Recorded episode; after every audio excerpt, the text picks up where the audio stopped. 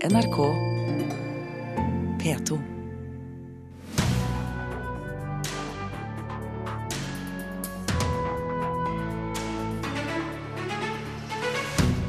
Skuespillere på Dramaten gjør opprør mot sjefsbytte i svensk teaterliv og kaller den nye sjefen Eirik Stube umoralsk. Stube svarer i Kulturnytt. Jon Fosse har sagt at han har skrevet sitt siste teaterstykke. I går var det urpremiere på det som dermed kan være det siste, Hav, på Festspillene i Bergen. Vi anmelder. Norske butikker og utesteder betaler mer enn noensinne for musikken de spiller for kundene, og hvordan de går frem for å hente pengene, skal vi følge her. Og Fredagspanelet samles i Kulturnytt for å diskutere gamle hus, gode rykter og kulturens priser. Kulturnytt i Nyhetsmorgen i NRK med Ugo Fermariello. Etter bare åtte måneder som sjef ved Stockholms stadsteater ble det i går klart at uh, norske Eirik Stube, som tidligere har vært sjef i åtte år på Nationaltheatret i Oslo, går til Dramaten i Stockholm. Stube blir ny sjef ved Nasjonalscenen ved årsskiftet, men allerede nå vekker utnevnelsen reaksjoner i det svenske teatermiljøet. Jeg skrattet høyt i morse. Jeg det var så veldig eh, uventet. Det sier skuespilleren Leif André knytt til Stockholms stadsteater, der Eirik Stube nå er teatersjef. Han ble overraska da han hørte nyheten om at Stube blir ny sjef ved Dramaten etter så kort tid ved Stadsteatret. Jeg ble veldig forvirret. Utrolig forvirret. Det, det, er litt ankdamt, kjenner jeg på et sett. Jeg blir nesten litt forbannet og samtidig så garver åt skiten. Det blir så Ja, men det blir så dumt alltså att, att, att Dramaten gjør så her, at de försöker värva Erik när han är nytillträdd på Stadsteatern. Det är lite, jag tycker Dramaten har skött den här saken väldigt illa faktiskt. Også skuespillere ved Stubøs nye hus Dramaten reagerer. Jeg har aldri vært med på lignende umoral i mitt liv, sier Dramaten-skuespilleren Marie Gjøransson til Dagens Nyheter. Og videre, det er så umoralsk at jeg har grått. Lysta for teater tok slutt med dette. Uansett hvor framgangsrik en er, må en ha ei ryggrad. Men til Sveriges Radio forsvarer styreleder Daniel Sachs valget av Stubø. For det første så er jo vårt oppdrag å, rekruttere den som vi opplever passer best som Dramaten-sjef og stemmer inn mest best på, på profilen. Eh, og vi kan ikke og kommer ikke kommentere hvilke andre kandidater som har vært i processen eller hvilke överväganden vi har gjort. Det enda vi kan gjøre, det er å motivera hvorfor vi har valt Eirik eh, som sjef. Teaterkritiker i Sveriges Radio, Anneli Duva, mener skuespillerne får en dyktig leder i Stubø. Marie Göransson annet har gått ut og sagt at hun er moralisk opprørt over sine kolleger på Stadsteaterns vegner, for at hun undrer just hva det er for person som kan gjøre det her valget. Hvilket jo Stubø også uttrykte oro for, at man skulle se på ham på det settet. Annars så tror jeg at de bare borde være glade over å få en så kompetent og kvalifisert sjef som Eirik Stube. Sa Anneli Duva, teaterkritiker i Sveriges Radio, reporter Lars Ivar Nordahl. Eirik Stube, god morgen. God morgen, ja. Hei, hei. Hei. Hva vil du si til den kjente skuespillerinnen Marie Gjøransson og de andre ved Dramaten som mener at du er umoralsk som bare etter åtte måneder forlater kompaniet ditt, Statsteateren?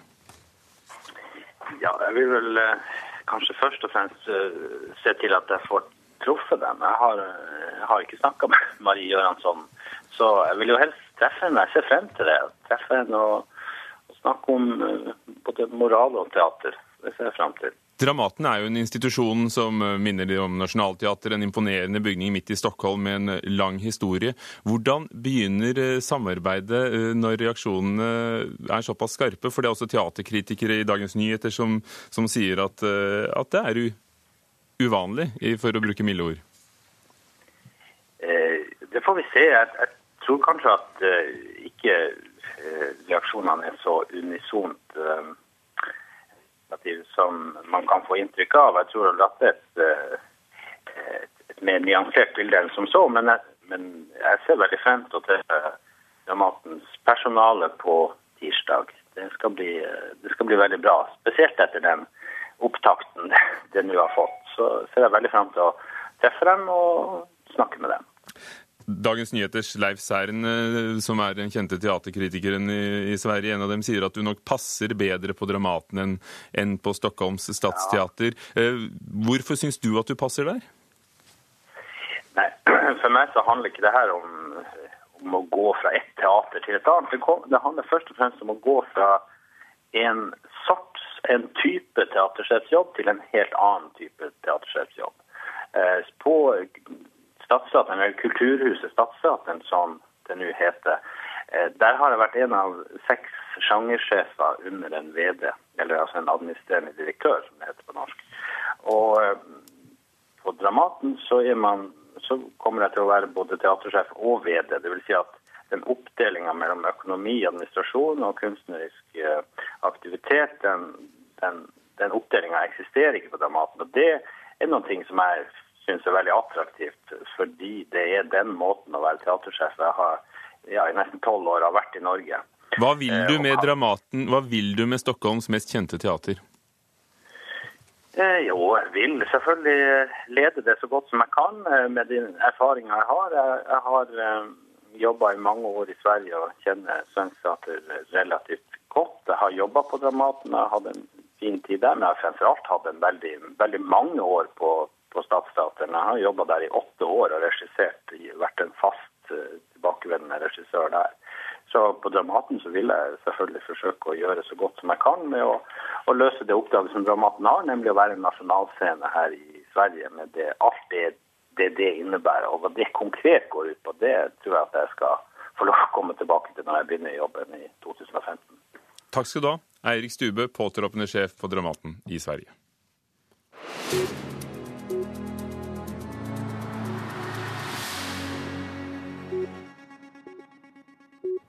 Kjenner vi hverandre? Ja.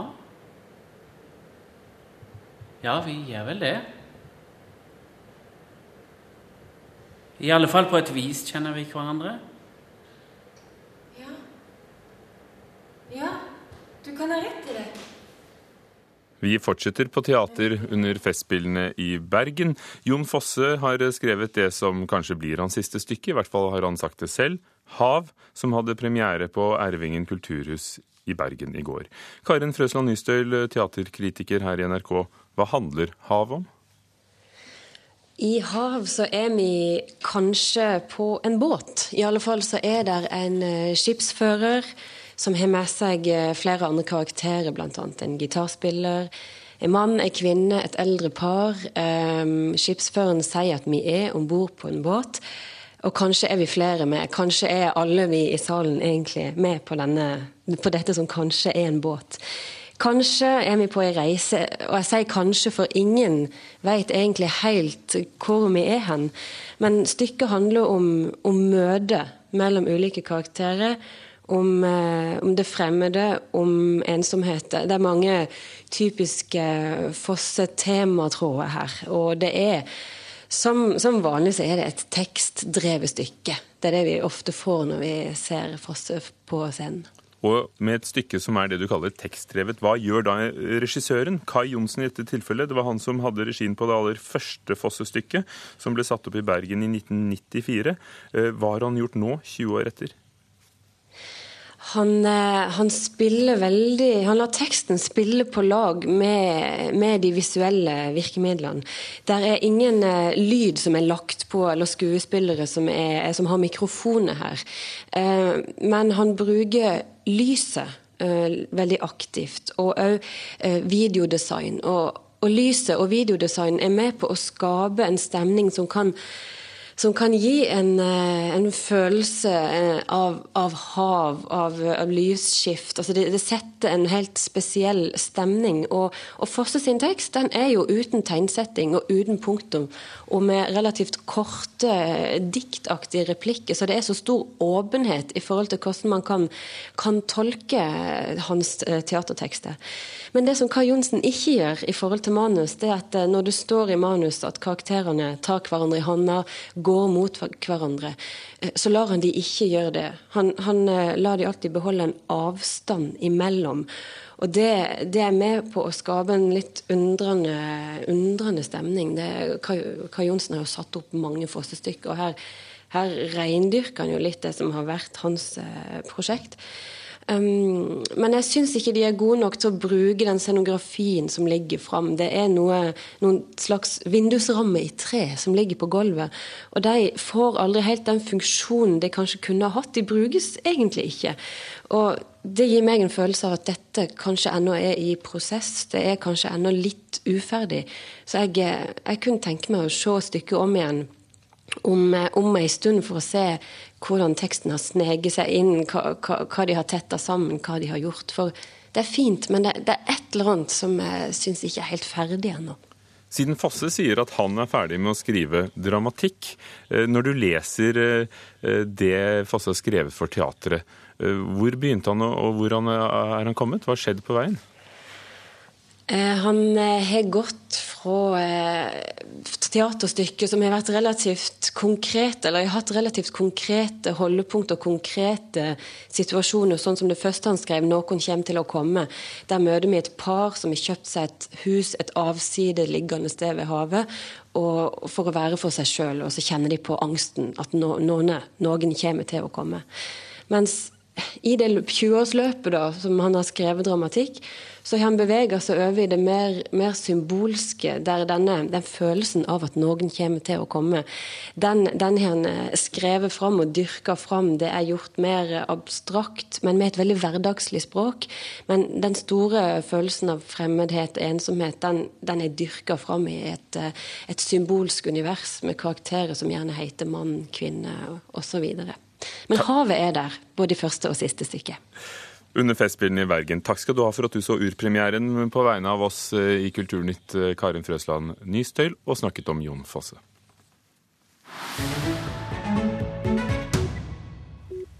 Utesteder og butikker betaler mer for eh, musikken de spiller for kundene enn eh, de har gjort tidligere. I 2013 fikk vederlagsbyrået Gramo inn 56 millioner kroner på musikk spilt på offentlige steder, og det er mer enn dobbelt så mye som for ti år siden. Gramo legger selv eh, ut på tur til puber og restauranter for å kontrollere at de betaler, og dermed øke inntektene til norske artister. Hei sann. Du, jeg kommer fra 200 Gramo i forbindelse med musikk. Ja. Så mange sånne avtaler med dere. På et serveringssted i hovedstaden surrer Highas a Kites musikk over høyttaleranlegget. Kjartan Lode er her for å sørge for at det norske bandet får betalt. Og Det er denne avtalen her. Så Den eh, går an for deg å enten fylle i her og nå, eller så kan du ta og sende den inn. All musikk som spilles på restauranter og utesteder, regnes som offentlig framføring. Og det vil artister og plateselskap ha betalt for.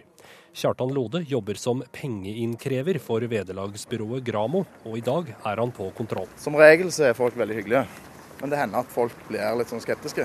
Det, altså, man kan jo forstå det. Plutselig kommer det en fyr inn og begynner å fylle inn masse skjemaer. Jeg skjønner det. Hei sann. Du eh, snakker norsk? Du kommer fra 200 gram i forbindelse med bruk av musikk. Slike kontroller sørger for stadig mer penger i kassa til norske artister og plateselskap. I 2013 dro vederlagsbyrået Gramo inn et rekordbeløp på over 56 millioner kroner på offentlige framføringer. Det er over dobbelt så mye som for ti år siden. For inneværende år så regner vi med at vi for første gang skal runde 60 millioner. Det er rett og slett eh, den daglige innsatsen for å få inn flere avtaler, fra folk som benytter innspilt musikk for å få mest mulig penger inn. Det sier Gramo-direktør Martin Grøndal. De siste årene har Gramo sendt regning til stadig flere virksomheter, som butikker, treningssentre og frisørsalonger. Byrået venter nå på en dom fra lagmannsretten som også kan gi dem rett til å kreve betaling for bruk av radio i leiebiler. Vi identifiserer faktisk alle de som bruker musikken, slik at det er mange som bidrar til den summen som Gramo får inn og så fordeler. Til sammen delte Gramo i fjor ut 114 millioner kroner til plateselskap og artister. Som eh, andre kanskje får eh, feriepenger, som det heter, så får vi liksom Gram-penger. Så de kommer utrolig godt med. Det sier Marte Eberson i High As A Kite. Bandet som denne uken vant Bendiksen-prisen, har foreløpig beskjedne inntekter fra strømmetjenester, og Eberson sier steder som spiller musikk for kundene, er blitt en viktig inntektskilde for musikerne. Man er jo veldig avhengig av grammopenger nå. Så det er så lite å tjene på platesalg, da. Før i gamle dager så var det vel ofte sånn at uh, de som jobba på pub kanskje kjøpte en del plater. Og nå er det på en måte fri flyt av musikk. Så jeg syns det er helt innafor at uh, Gramo da sier at da sender vi en regning. Fordi musikerne må jo faktisk få litt betalt for det de har laget. da. Ellers er det helt umulig å holde på med dette her. Og reporter her var Halvor Haugen. Klokken er allerede snart 18 minutter over åtte, og du hører på Nyhetsmorgen i NRK som har følgende saker i dag. Regjeringen sa i natt nei til støttepartienes krav om 250 millioner kroner ekstra til bøndene. Nå kommer KrF og Venstre til å legge frem sine egne jordbruksforslag i Stortinget. PR-byrået First House har deltatt på en rekke lukkede møter med norske næringslivsledere for å drøfte forholdet mellom Norge og Kina. Pasienter får nei til ny og dyr medisin, men ingen får vite hvorfor norsk helsevesen setter foten ned for enkelte legemidler. En kreftekspert krever mer åpenhet. Dagens fredagspanel samler hele landet. Fra Sørlandet Håkon Gundersen, journalist i Morgenbladet. Hallo. Midt-Norge teater- og filmregissør Marit Moe Maune. Hei, hei. Og Nord-Norges mann Anders Oppdal, redaktør i Nordlys. Velkommen. God morgen. God morgen. Vi skal eh, rett på første spørsmål, hvor vi skal høre håndverker Knut Arild Nordli sjekke tilstanden på landets største samling av gamle trehus. Det er jo veldig trist at det blir sånne høye tall, men eh, det skyldes jo eh, flere generasjoner med forsømt vedlikehold. Oi. Her var det hult. Norske museer kan ha et etterslep på flere milliarder kroner i vedlikehold av de gamle kulturhistoriske bygningene. Anno museum, tidligere Hedmark fylkesmuseum, har landets største samling, og mener at de ligger en kvart milliard på etterskudd. Museet må prioritere hardere hvordan de skal holde husene, og noen av husene har de allerede solgt.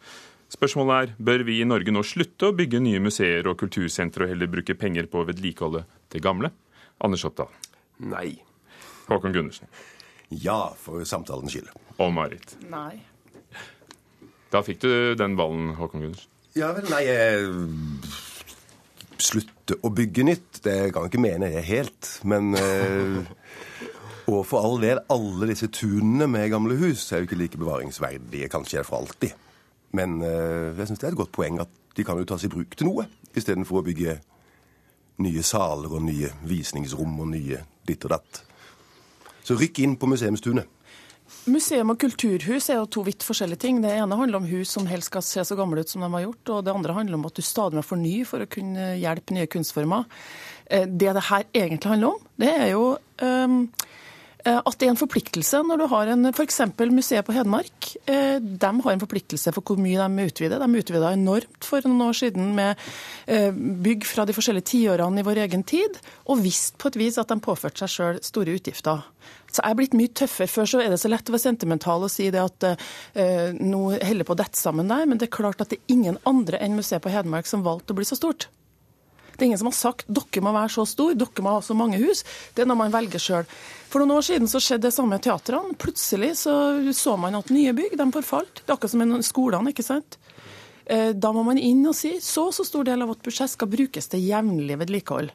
Nå er det for sent for det museet, for nå har det skjedd så mye, så kanskje må det inn med tiltak. Men det må sterkere forpliktelser overfor organisasjonene for å ta ansvar underveis. Anders Oppdal, er det sånn at de har forsømt seg underveis? Tja, det kan det jo selvsagt være. Jeg tenker mer at uh, det er kanskje ikke sånn at alle museer har evig liv. Uh, det er jo et marked du på en måte oppi, oppi, oppi alt det her, så er det et marked du forholder deg til. Så det å si at man, man um, skal slutte å utvikle og drive innovasjon på, på, museumsfronten og bare passe på byggene, det tror jeg blir for, for, for bakstreversk. Altså. Så, så, jeg tenker at, at um, her må man ha to tanker i hodet samtidig. Og eh, det er ikke alle norske museum som er like interessante å gå i. Det, det, det gjør ikke noe om, om vi også har fokus på å skape noe nytt og spennende. Og kanskje prisen må det være at, at noe råtner på rot. Sånn er jo verden. Det er ingenting som varer evig. Men er museet til for markedet, eller kanskje nettopp for tingenes verdi, så ikke at noen i fremtiden kan finne frem til dem. Jeg er jo glad for at Uffizi-galleriene i Firenze står ennå. ja da, selvfølgelig. Eh, jo, men så er det jo forskjell på ting. da. Noen, noen museum er jo på en måte helt opplagte epokemuseum som har en avgjørende verdi i, i all mulig fremtid. Men så har du kanskje andre som, som kanskje ikke har et, et, like solid fundament. Og jeg tror ikke vi har råd til å, til å, til å vedlikeholde alt og passe på alt som, som, som er bygd opp. Da er prisen rett og slett at vi ikke klarer å skape noe nytt. Det var en uh, tanke for noen år siden når det ble stifta en ny organisasjon som het Norsk kulturarv. Det tror jeg var folk som var fortvila over alt de, uh, at de satt med freda bygninger oppover dalene. Og de har et slagord 'Vern gjennom bruk'. Og det var den ene tanken jeg har i huet. Jeg har ikke to tanker i huet akkurat nå. Så jeg har bare én, så det er litt moran. Jeg, ser da... også, ja. For jeg ser også jeg har en kamerat som har en 17, går fra 1700-tallet på Røros. Eh, ekstremt viktig at den blir bevart. Den er i drift, det bor folk der. Mm. Og det er klart tanken om å flytte alle flotte hus til sentrale byområder, den, er, den var en nasjonalromantisk tanke som vi er over for lenge siden. Jeg sier ikke at uh, museet i Hedmark skal legge ned sin drift. Maihaugen er et fantastisk sted, men det er klart at Eh, det å, jeg er helt enig med Tromsø. da. Tromsø, ett poeng. Det finnes et sjikt i Holmenkollåsen som samler på sånne gamle stabbur og loft. Det er store tomter med, med samlinger av det. Ja, ja. Da er jeg glad for sånt. Eh, det har skjedd flere ting denne uken. Eh, Aftenpostens politiske redaktør Harald Stanghelle overrasket med kommentar hvor han spekulerer i om kommunikasjonsbyrået First House står bak en svertekampanje av leder for Nobelkomiteen, betalt av kinesiske interesser, og det baserte han på det han kalte gode rykter. Ryktene er gode. Eh, det betyr at de kommer ikke fra hvem som helst. Men eh, de er heller ikke bekrefta. Spørsmålet er gikk Stanghelle over en strek når han påsto dette basert på gode og uh, troverdige rykter. Han gikk over en strek, og det gjorde han rett i. Ja, Nei, han gikk ikke over en Ja, han gikk, og jeg er enig. Ja, ja jeg syns det var helt greit. Anders Oppdal, du har sett redaktør? Ja, nei, altså, Han, eh, han gikk, gikk, over for så vidt en formell strek, men, men, eh, det var helt riktig å passere den streken. Jeg heier på Harald. Det var det er en god og viktig kommentar. Det var jo direkte interessant for meg som regissør å se hvordan First House eh, sin representant reagerte. For det var som en sånn unge som har tatt en is, og så sier noen 'Har du tatt en is?' 'Jeg har ikke tatt en is!' Det var så, det var så klassisk.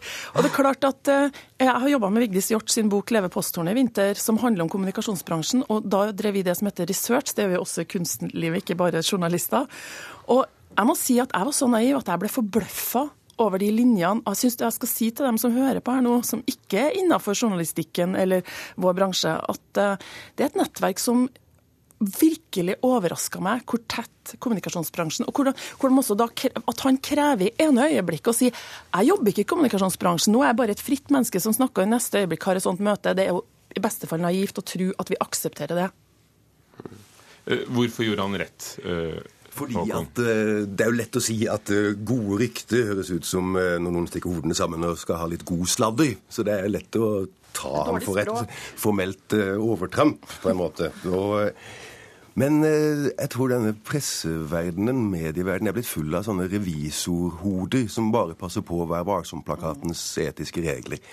Og de glemmer at de er ikke gudegitte, men menneskeskapte, og de skapes nettopp på sånne situasjoner. Og her syns jeg Stanghelle på sine modne dager har blitt en friskus, og to ganger i løpet av en måned har skrevet virkelig gode ting. Mm. Anders Oppdal, er det ikke sånn da at uh, han heller skulle satt noen gravearbeidere på saken og så, og så kommet med en slags sånn Watergate-skandale og, uh, og, og, en kilde i et parkeringshus som ga noen dokumenter? Ja, men det er jo ikke gitt at det hadde gitt resultater. Um, jeg tenker at altså, alle, alle kommentatorer snakker med folk. Det er jo ikke noe nytt, det. Det er jo på en måte selve kunsten i, i å drive god kommentarvirksomhet. Det er jo på en måte å være informert når du skriver noe. Det som er spesielt der, det er jo det at Harald skriver rett ut at han baserer det på gode rykter. Eh, men det er svært mange kommentarer i norsk presse som er basert på gode rykter. Det kan jeg, kan jeg skrive under på. Så, så, så, det er kanskje det som er mest spesielt her, å gjøre at, at enkelte hopper i stolen og tar på seg prestekragen.